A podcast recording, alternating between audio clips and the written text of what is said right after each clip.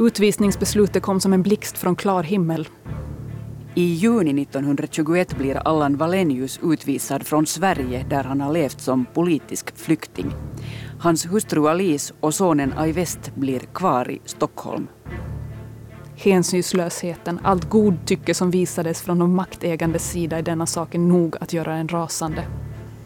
Polisen sätter Allan på en ångbåt till Reval, alltså Tallinn, med destination Moskva. Polisen i Sverige arresterade över tio finska kamrater för militärt spionage och försökte få mig och två andra kamrater inblandade i fallet. Före inbördeskriget var Allan bibliotekarie i Åbo och Alice var lärarinna i Haraldsby på Åland. Nu är de båda yrkesrevolutionärer. De har arbetat vid kommunistiska press och telegrambyråer i Sverige och han har utfört uppdrag för Komintern, kommunistiska internationalen. Jag skulle utan betänkande ha rest med nu genast om jag inte hade haft Aivest. Ali skriver brev till Allans föräldrar Sigrid och August som nyligen har flyttat till Chimito, till torpet Fridkulla i byn Kaltjila. De erbjuder sig att ta hand om sitt barnbarn. Jag vill inte gärna lämna honom ifrån mig. Nu stannar vi här en tid ännu, tills vi får höra från Allan hurdana förhållandena är där borta. Allan är 30 år, Alice 32. Deras son är ett och ett halvt. Alice egna föräldrar lever inte längre. Alla kamraterna saknar Allan mycket. För mig förefaller hela Stockholm tomt och öde. Men jag hoppas att vi inte behöver vara allt för länge skilda. Ajvest går ofta och söker pappa och vill visa honom något han fått. Pappa Jyssa, säger han. Och det ska föreställa pappa i Ryssland. Du lyssnar till del tre av Röda resor, vår lilla rödgardist. Om Allan och Alice Wallenius och deras son Ajvest. Av mig, Anvi Gardberg.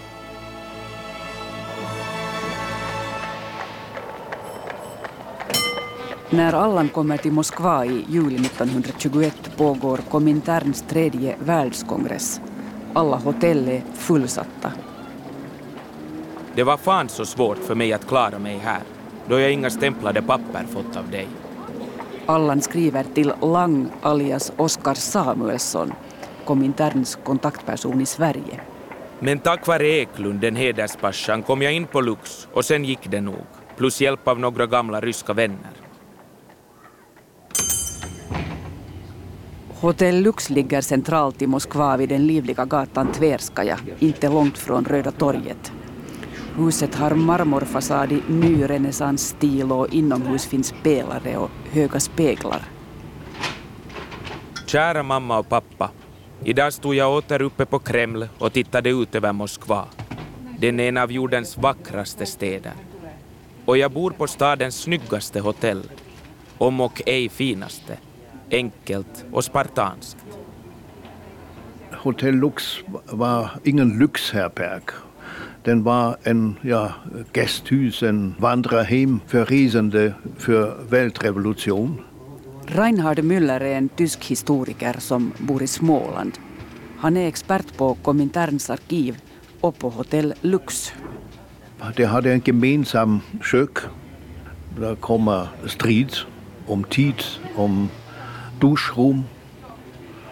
Finns bara sex badkar jag får ju allt vad jag behöver här på hotellet. Mat, linne, rum, tvätt, rakning, uppassning, skomakeri, böcker, tidningar, papper, bläck, pennor och så vidare gratis. Kominterns kurirer tar in på hotellet. De för med sig pengar och instruktioner till kommunistpartierna i sina hemländer. Och många som arbetar vid Komintern bor permanent på hotellet men bara de mest prominenta personerna får rum med toalett och badrum. Allan hör inte till dem. Men han blir anställd av Komintern. Den första perioden var den en propagandainstrument för Weltrevolution und ein Organisationscentrum für, für den proletariska Weltrevolution. Och den skulle bryta och fullbordas efter några år. Man hade en uh, föreställning, världsrevolution kommer snart i västern. Nu börjar jag komma in i arbetet och jag börjar trivas, blott jag hade Alice och Ai West här. Alice är nu ensamförsörjande mor i Stockholm. Hon vill helst ta med Ai West till Moskva. Men nyheterna från Ryssland är oroväckande i juli och augusti 1921. Åbo underrättelser. Största delen av befolkningen i Ryssland lider av hungersnöd. Helsingin Sanomat. 35 miljoner människor svälter. Befolkningen i de hungrande distrikten lämnar allt vind för våg och flyr österut. Arbetarbladet. Koleran sprider sig och den skriande bristen på hjälpmedel försvårar sjukdomens bekämpande. Kära mamma och pappa, om ni under tiden som Ai West ej kan komma hit vill ta honom dit till er, då kan Alice komma och jag behöver henne. Liksom också Ai West borde komma. Men vintern blir svår med grov mat och den härdar hans lilla mage inte ut med. Risken är för stor för Ai West.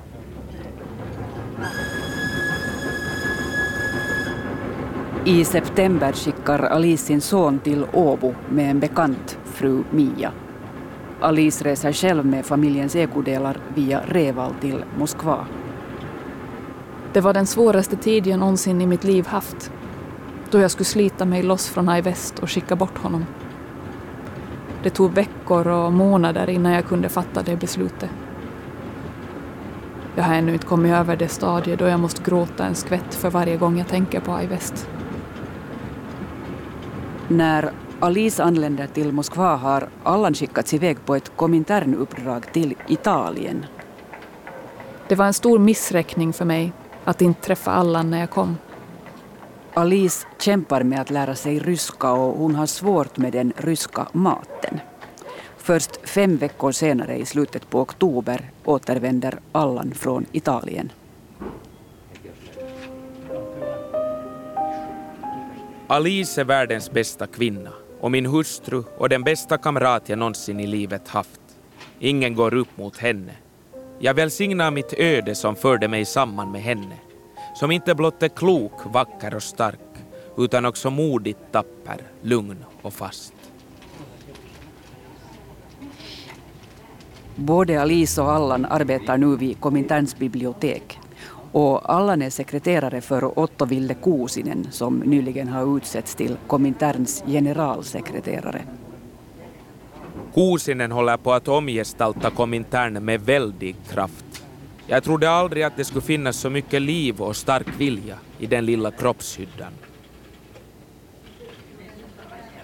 De finländska tidningarna rapporterar gärna om Allans liv. I oktober 1921 skriver Åbo underrättelser. Allan Valenius har antagligen varit här i Åbo. Hans fru bodde på Hamburger Börs 18-19 september. En fru som begagnade sig av namnet Mia Winberg tog in på Hamburger Börs, rummet nummer 52. Härifrån fördes Allan Valenius barn till Chimito av fru Sigrid Valenius. Åbo underrättelser har fått för sig att Alice bodde på hotellet under namnet Mia Winberg. Men Arbetarbladet fnyser åt Åhus sensationsskriverier. Fru Winberg är fru Winberg och inte Alice Valenius. Och Allan Valenius har varit i Ryssland sedan i somras. I Chimito följer Ai West med farmor Sigrid ut i lingonskogen. Farfar August tycker att han är outsägligt snäll. Vår lilla rödgardist, det är världens finaste pojke. Och han kommer att utföra väldiga saker en gång, när han blivit några år äldre. Napoleon och Goethe, ja till och med Caesar var bara småguttar gentemot Aja. Men Sigrids släktingar är inte förtjusta över familjens närvaro. Släkten anser att Allan har förrått sitt land och att Sigrid och August borde bryta med honom. Sköt ni om mig West och er själva, så ska vi båda sköta om oss och revolutionen. Sen gör vi båda, det vill säga vi och revolutionen, på en gång eller kanske i tur och ordning visit hos er. Allan själv litar på att hans föräldrar sköter lika väl om den unga rödgardisten som de skötte om honom och Paul. Allans storebror som stupade som jägarkapten på den vita sidan 1918. Allans mamma Sigrid är nu lite på 50, August närmar sig 60. Allan är det enda barn de har kvar och i väst deras enda barnbarn. I november skriver Allan från Moskva. Underrätta nu i väst om att mamma arbetar här på en skola och i ett barnhem. När hon fått praktik tillräckligt kommer hon ut till Europa igen. Åtminstone hem till lilla i väst. I december 1921 har Aivest lärt känna sina farföräldrar så väl att han inte längre är bara änglalikt snäll. Att han i början inte bad om förlåtelse berodde naturligtvis på att jag inte lärt honom något sådant. Enligt min åsikt har barn, åtminstone så små, inte någon orsak att be om förlåtelse. Barn är nämligen inte elaka av naturen. Är de elaka så är det en avspegling av de äldres elakhet. Och det ska väl inte barnen be om ursäkt för? Revolutionen måste krossa den gamla skolan och skapa ett nytt uppfostringssystem. Det skriver Alice 1921 i den finsk-amerikanska veckotidningen Toveritar. Att Aja har ett eget huvud för sig och att han kanske inte är så snäll som tant skulle önska, det är något vi inte sörjer över. Tvärtom. Grundtanken i den nya uppfostran är just att låta barnen utveckla sig så fritt och självständigt som möjligt. Vi vill inte längre uppfostra slavar som ödmjukt lyder sin herres minsta vink och kysser riset eller piskan. Alice skriver till Sigrid att barnen har mycket stor frihet i skolorna i Ryssland. Barnen får välja om de vill sitta eller stå, höra på eller inte, svara eller låta bli att svara. Det blir ändå ingen anarki, förklarar Alice, eftersom barnen kan bära sin frihet. Det är tvärtom de många förbuden, tvånget, straffen, som tvingar barnen till att revoltera. Det är alldeles samma förhållande som i samhället. Alice talar för frihet, men Allans arbete i Komintern går ut på att tvinga de skandinaviska partierna innanför snäva ramar. Man bestämde 21 punkter för en absolut bolsjevistisk modell. Allan angriper särskilt ledarna för Sveriges kommunistiska parti som inte följer Kominterns 21 punkter. Här skriver han till Lang alias Oskar Samuelsson i januari 1922. Vi fordrar ju att partimedlemmarna ska offra sina liv när det bara behövs. Politiken måste bli en hjärtesak för dem, ett livsbehov. Men om man ska nå så långt att medlemmarna går genom eldprov för sakens skull, då duger under inga villkor ett sådant småfnuttigt politiserande ledande som flera av de svenska ledarna nu gör sig skyldiga till. Det är därför jag gått fram emot dem och bekämpat dem. Allan är som en vakthund. Han skäller på de svenska partiledarna och de i sin tur klagar på Allan i brev till Lenin och andra ledande personer. Det här pågår i flera år. I februari 1922 är Alice irriterad på livet på Hotell Lux. Just nu har vi ett kommissionssammanträde i vårt rum. Allan är med i en kommission som ska skaffa rum åt alla främmande som just nu samlas här till en konferens. Och det är ett helsikes jobb. Kvinnor kommer hit och lipar långa floder av tårar när de ska flyttas ut ur ett rum i ett annat. Somliga är ilskna, andra vägrar kategoriskt att flytta på sig och så vidare. Det är som sagt ett helsike. Här är tobaksrök och annan otrevlig lukt. Här måste vedras till natten. Många som bott på hotell Lux berättar att där är oroligt. Folk kommer in på rummen, det uppstår gräl och snedsprång. Monogami var ovanlig. Ja. 20-talet bytte man sexuellt partner. Den spelade ingen roll. Den var också en uh, tid från Kollontaj.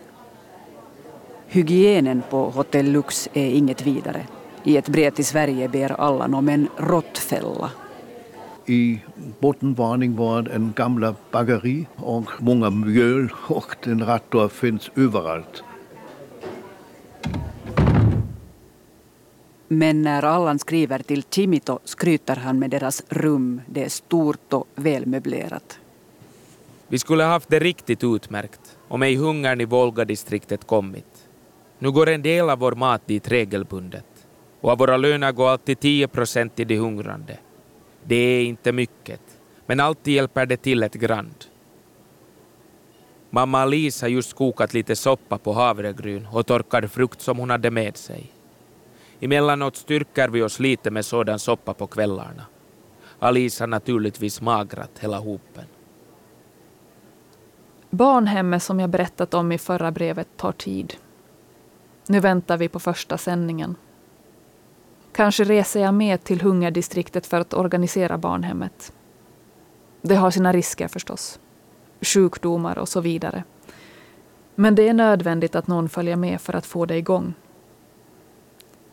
Så knogar jag med ryskan hela tiden. Det är ett rysligt språk att vara svårt. Man får ont i huvudet när man börjar läsa ryska. Men det måste ju gå.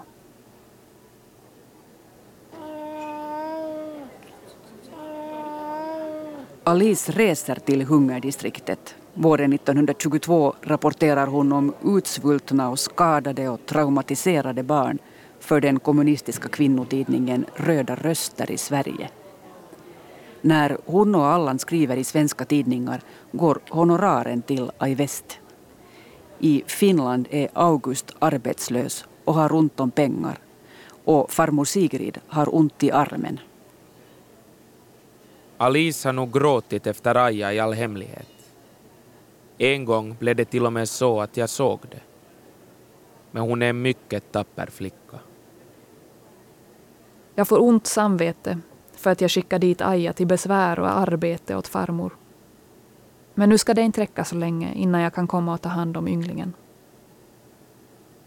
Alice kan resa till Chimito. Hon är inte efterlyst i Finland som Allan. Det märks på Allans brev att han gärna skulle följa med. Både Alice och Allan drömmer om att bo på Åland. Det grämer dem att Ålandsfrågan avgjordes till Finlands fördel i Nationernas förbund. Allan skriver till sin far i mars. Ta reda på hur det är med mina mantalspengar. Har du betalat dem för mig eller är de obetalade? Om det inte är stora summor så bör vi kanske betala dem innan valen till riksdagen börjar. Det kan hända att jag låter ställa upp mig som riksdagskandidat. Men tala ännu inte om den saken för någon. Menar att man på Åland skulle göra tämligen många röster. Allan och Alice vill kandidera för Socialistiska arbetarpartiet på Åland i valet i juli 1922. Partiet är en täckmantel för kommunistpartiet som är illegalt i Finland. I mars ber Allan sina föräldrar kolla om han finns med i vallängderna. Ta reda på det via brev till fru Selma Rosenblad, Åsgårda, Saltvik, Åland. Fråga samtidigt om oss båda. Alice är kanske tillbaka där till valen. Selma är styvmor till Alice och änka efter Alice pappa, kofferdiskepparen Per. Men varken Allan eller Alice är med i vallängderna. I mars skriver Pettersson vid Folkbladet till Allan. Det kan jag säga dig nu att någon riksdagsman blir du ej den här gången. Jag har nog försökt med saken, men de finska kamraterna är emot det och anser det ej vara förståndigt.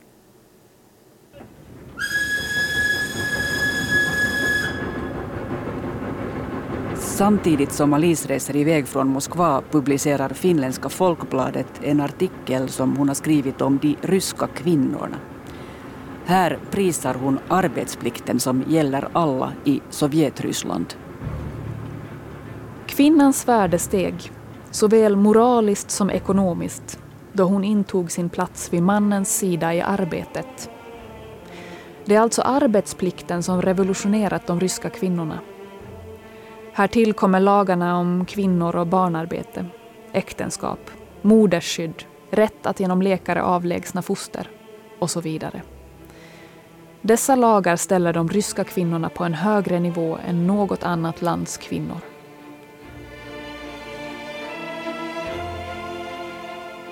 Men Alice hävdar att den ryska borgarklassens kvinnor inte har förstått någonting av revolutionen.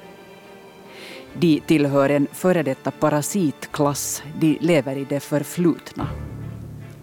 De lever av att sälja sina smycken och dyrbarheter. Och när dessa är slut säljer de sig själva.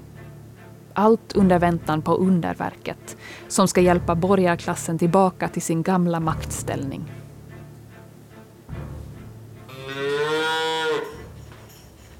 Fläktar av den nya tidens vindar har nått också de ryska bondkvinnorna som hittills levat i fullständigt mörker och okunnighet. De kommunistiska instruktörerna grundar barnkrubbor ute i byarna och arbetar med att lära bondkvinnorna läsa. Alice skriver om kommunistiska kvinnor hon har mött vid allryska kvinnokongressen.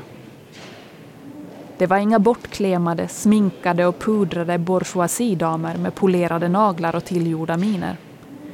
Det är fattigt klädda, dåligt närda proletärkvinnor. De flesta av dem hade kortklippt hår. Många rökte.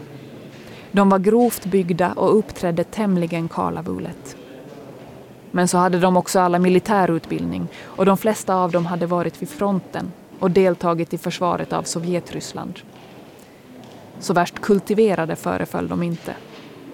Varifrån skulle de ha fått den kulturen? Men de här kvinnorna har ett mål. Ett nytt samhälle där deras barn ska kunna åtnjuta alla de kulturens välsignelser som de själva måste avstå ifrån under sin hårda och uppoffrande kamp för framtidens folk.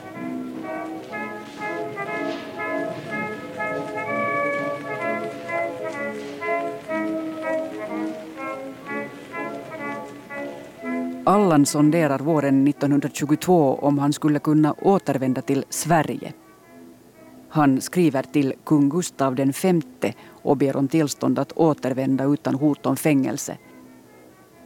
Men varken kungen eller Stockholmspolisen eller statsminister Branting vill ha Allan till Sverige.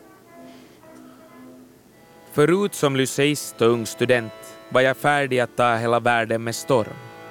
Sen kom det när man började se sina gränser överallt och begrep att de flesta av de där satans gränserna var oöverstigliga för en själv med de små krafter man hade. Då vart man pessimist och trotsare. Sedan blev man trött och då tyckte man att man var slut. Sedan högg man i med kraft genom någon slags ambition, anföll där man kunde komma över en gräns och gjorde en liten erövring. Allan är nu 31 år. Här skriver han till Nils Flyg, en av de kamrater som 1922 hjälper Allan att driva Kominterns linje i Sverige. Så börjar man märka att man var en liten potta inför Guds ögon, men att man nu inte var precis tom. Alltid fanns det lite skit i pottan. Och så gick man vidare och odlade på i den feta jordmånen, som gav ganska magra skördar, men dock skördar. Allan erkänner att han inte har många vänner. Därför att jag är för impulsiv och skäller ut med vad jag menar omedelbart, så får man just inte några vänner.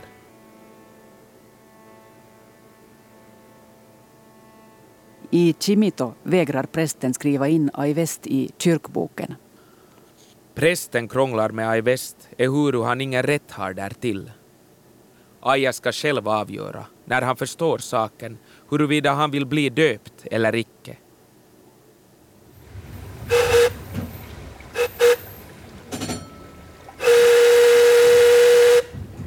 Den 1 maj 1922 reser Alice via Reval till Helsingfors. Hon blir förhörd av polismannen Otto Lindfors. Allan har plats på Kommunistiska internationalens bibliotek som föreståndare. Det är beläget vid Mahavaja 16. Vi bor på hotell Lux där vi har ett rum och fritt mat och några miljoner i månaden som småningom ökats. Alice intygar att hennes resa till Finland inte har några politiska syften. Hon tiger om att hon själv arbetar för Komintern. Gossen Aivest är i Chimito hos Allans föräldrar.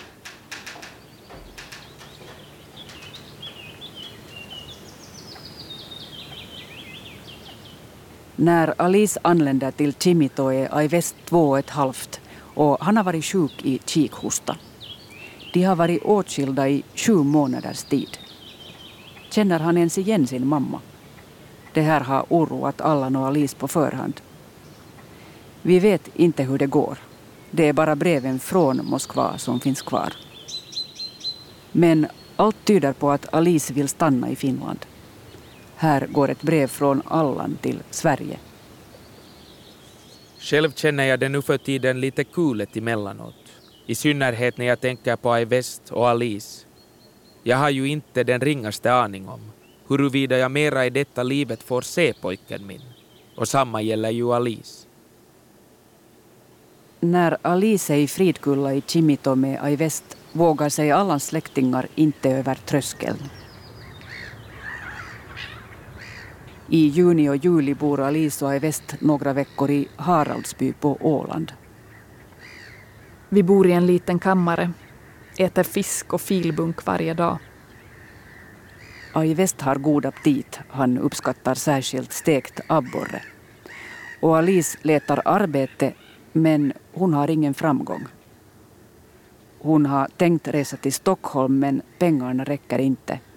De ryska miljonerna är inte mycket värda i Finland. Och så vill hon inte lämna Aivest åt främmande. Allan har hoppats på ett maktskifte så att han kan komma till Finland. Men i riksdagsvalet får Socialistiska arbetarpartiet bara 14 procent av rösterna. I ett brev är det omöjligt att kunna knacka ner allt som man ville säga. Men så allt för länge räcker det icke innan vi kan träffas. Om det ej går där i Finland så går det väl annorstädes. Kanske snart nog i Berlin.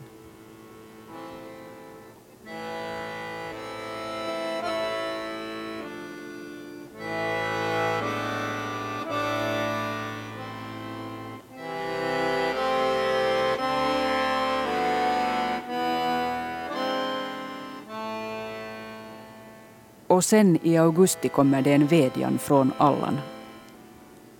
Hälsa Alice att hon har en viktig sak här att utföra. Det svenska barnhemmets organisering. När hon for härifrån så torkade allt in. Ett tiotal lådor har kommit, men ingen ordnar och organiserar. Du, Alice, skulle kunna ta hand om hemmet för en tid, tills det kommer igång. Men Aja kan man ej ta med till smittoregionerna. Det vore hans död genast. I slutet av september 1922 är Alice och Aivest i Helsingfors. De går till ryska legationen. Alice ordnar med visum och resa i kurirvagn per tåg direkt till Moskva.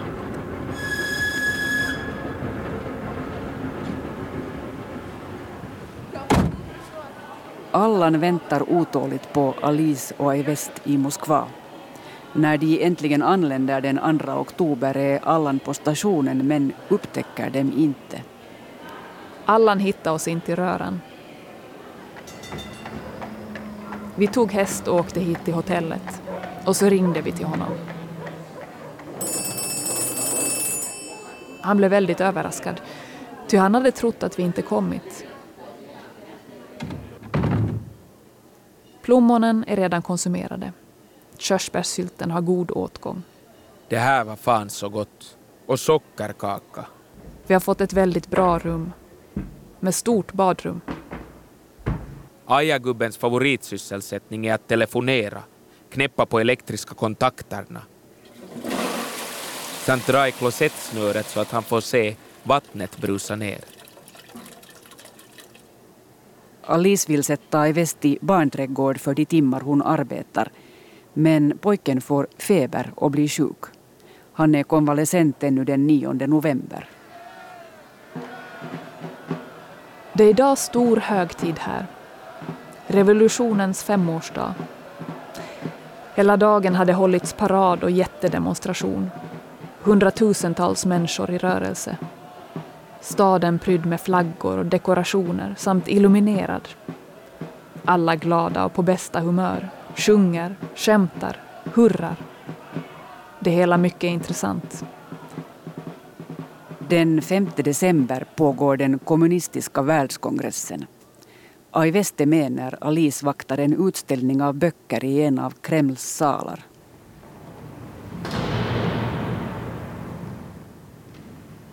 Och det var någonting för Aja, att få springa omkring i de väldiga salarna och titta på alla gamla tsargrannlåter. Han kände sig inte alls ängslig eller bortkommen, utan klarade sig galant både med platsen och med alla de främmande tanterna och farbröderna som talade med honom på alla världens språk. Han svarade på sitt eget språk, som ingen förstod. Men det gjorde ju lika bra verkan i alla fall.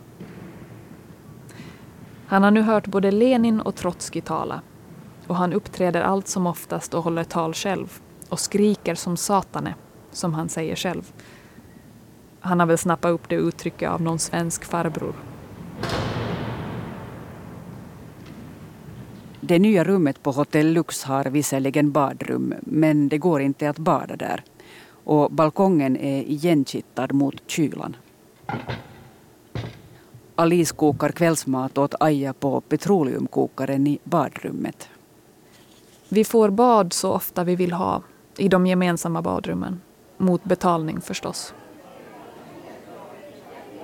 Alice och Aivest äter middag i matsalen på Hotell Lux. Nu har allt börjat kosta. Till en början får Aja ägg och kakao till kvällsvard på rummet men när äggen blir för dyra får han istället fiskleverolja med sylt. Alice skriver i januari 1923. På morgonen nio tiden kommer en gumma med mjölk. Jag brukar ta två kruskor. Mjölken är mycket utspädd och lindrigt ren, men vad kan man göra? Jag kokar den alltid för säkerhets skull. Och om man ska köpa i de kommunala mjölkmagasinen så får man stå i kö i timtal. Och sen kan det hända att mjölken tar slut just när ens tur kommer. Till vintern får Aivest pälsfoder av vita och bruna ekorrskinn i sin kappa. Alice arbetar på biblioteket och en svenskspråkig fru passar Aivest som inte kan gå i barnträdgård för att han var sjuk när han anlände. Detektiva centralpolisen i Finland har fattat intresse för Allans brev. En detektiv i Helsingfors skriver veckorapporter om dem. Här en rapport från februari 1923. De röda flyktingarna och kommunisterna i Ryssland brukar i sina brev nästan utan undantag förutspå att världsrevolutionen kommer snart. Allan Valenius har den gångna veckan återkommit med en profetia. Just nu befinner vi oss på uppfarten till ett revolutionärt vågberg i hela Europa. Och att vi innan detta år gått till ända kommer att träffas. Det kan ni ta för garanterat.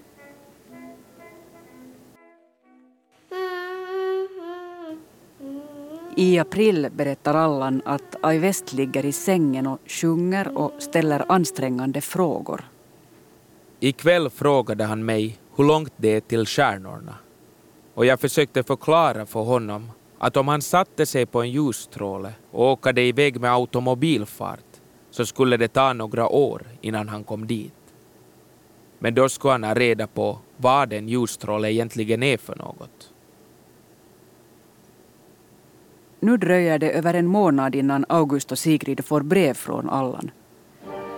Detektiva centralpolisen lägger helt beslag på Allans brev om första majfirandet i Moskva. Allan och Alice har firat med finländska Ivar Lassi som har flyttat till Moskva. De är ute och ser på paraden och hör Trotskij tala. Finnslaktarrepresentanterna var också närvarande och blottade pliktskyldiga sina skalliga skallar varje gång internationalen spelades och varje gång det hurrades för världsrevolutionen. En fet och frodig knodd, det lär vara Finlands militärattaché, roade sig med att fotografera mig, Alice och Lassi.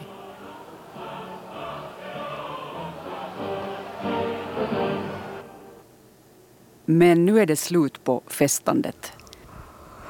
Aivest får feber i maj och febern varar i fyra veckor. Han har nu haft tre läkare här och ingen kan säga vad det är för sjukdom han har. Feber är det enda symptomet. Först trodde man det var malaria och han tog kinin. Hjälpte icke. Så trodde man det var paratyfus. Men ej heller det var det. I juni sjunker febern. Den 12 juni har Aivest varit uppe i fem dagar. Benen var svaga och ovana först, så han fick inte röra sig och springa så mycket.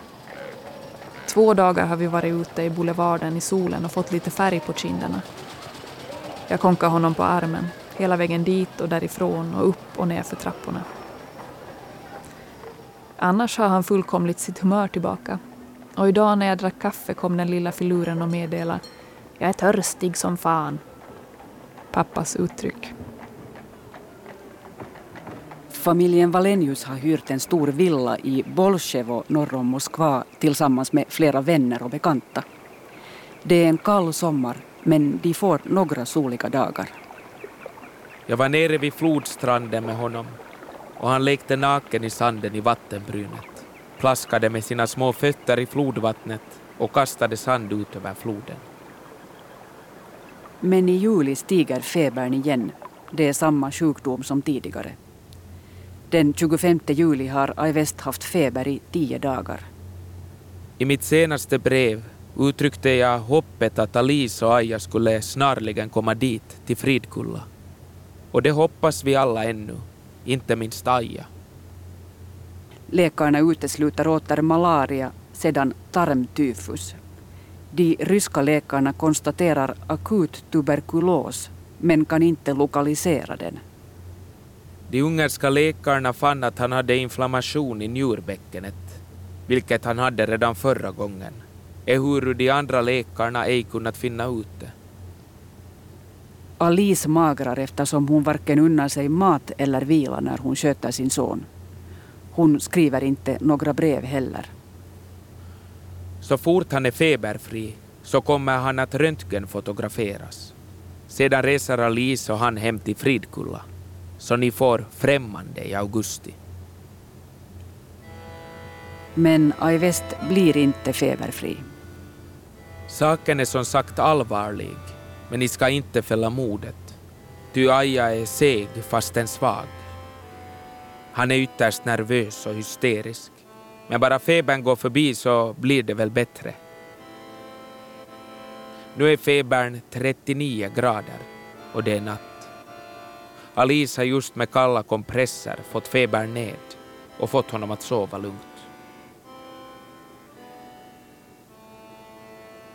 Den 2 augusti skriver Allan ett vykort. Alice är ganska trött och nervös efter det myckna nattvakandet. Aj West var nervös tidigare, men nu har det givit vika. Ajas sjukdom har inte blivit bättre utan snarare förvärrats. Det är tuberkulöst i lymfkörtlarna och det är stor risk att det kan slå sig på hjärnan. Allan skriver igen den 4 augusti. Liten Aja ligger lugnt och sover. Andningen svag men jämn. Nu vet vi det. Det är meningitis. Tuberkulosbacillerna har trots allt trängt upp till hjärnan och börjat sitt förstörelsearbete. Vi har inte stort hopp. Aivest dör i hjärnhinneinflammation den 5 augusti 1923. Han är tre och ett halvt. Vår lilla Aivest är icke mera. Nu ligger han så fridfullt och vackert, vilande efter alla svårigheter. Det är som skulle han sova. Men nu vaknar han aldrig mera för att skratta och leka med oss, för att tala och berätta. Alice skriver inga brev alls längre. Allan berättar att hon odlar krukväxter och lagar alla måltider på rummet på petroleumköket. De går inte längre till matsalen på Hotell Lux. Både Alice och Allan är avmagrade. Men Allan kastar sig in i arbete. Och nu när I bäst har gått så är det så mycket som egentligen han skulle ha gjort som jag nu måste göra. Och med dubbelt mera arbete och tredubbelt mera för saken skall jag söka att fylla en del av det verk som lilla Aja skulle ha gjort fullständigt ifall han fått leva. En bättre och fullkomligare kommunist hade man säkert fått leta runt hela världen om man vuxit upp så som vi tänkte oss honom. Allan skriver en dikt om sin son. Vår lilla rödgardist. Från land till land du drivits av de vita tills du stupad låg. Ett stupat barn, ett brutet löfte, en kämpe mindre i den röda framtidshären. Nej, än är din fader icke bruten. Du får en broder, en syster kanske, som tar din plats i ledet. Alice börjar faktiskt vänta barn igen redan i september 1923. Vad månne hon tänker? Ångrar hon att hon tog med Ai West till Moskva? Lägger hon skulden på Sverige som utvisade Allan eller på Finland där hon och Ai West blev bortstötta? Hon skriver fortfarande inga brev. Och på vintern vägrar hon gå till fotografen för att hon är så mager. Låt stormar komma. Låt livet piska oss. Låt döden skörda sina skördar. Vi kämpar emot storm och död och för vår sak till seger. Efter Ai Wests död är det som om luften går ur Allan. Han arbetar fortfarande hårt men fokus är förlorat. Historikern Reinhard Müller. Es war eine ja, langsame, aber immer mehr zunehmende Degradierung. Långsamt men säkert dalar Allans stjärna inom Komintern. Han fattar inte längre politiska beslut. Han blir marginaliserad. När Alice föder sonen Sven Lasse i juni 1924 har Allan fått tuberkulos. Hösten 24 ber Allan om förflyttning till USA och våren 1925 reser han till Chicago på fem år. Men Alice vill inte följa med. Jag försöker spåra brev av henne. Inget finns kvar. Kanske har kärleken tagit slut. Kanske vill hon inte utsätta sin andra son för några som helst risker. Hon skriver senare en självbiografi. I april 1925 separerade jag från Allan och reste med tillåtelse av Komintern och det svenska kommunistpartiet till Sverige med min son Lars. Skilsmässan blev laglig år 1929.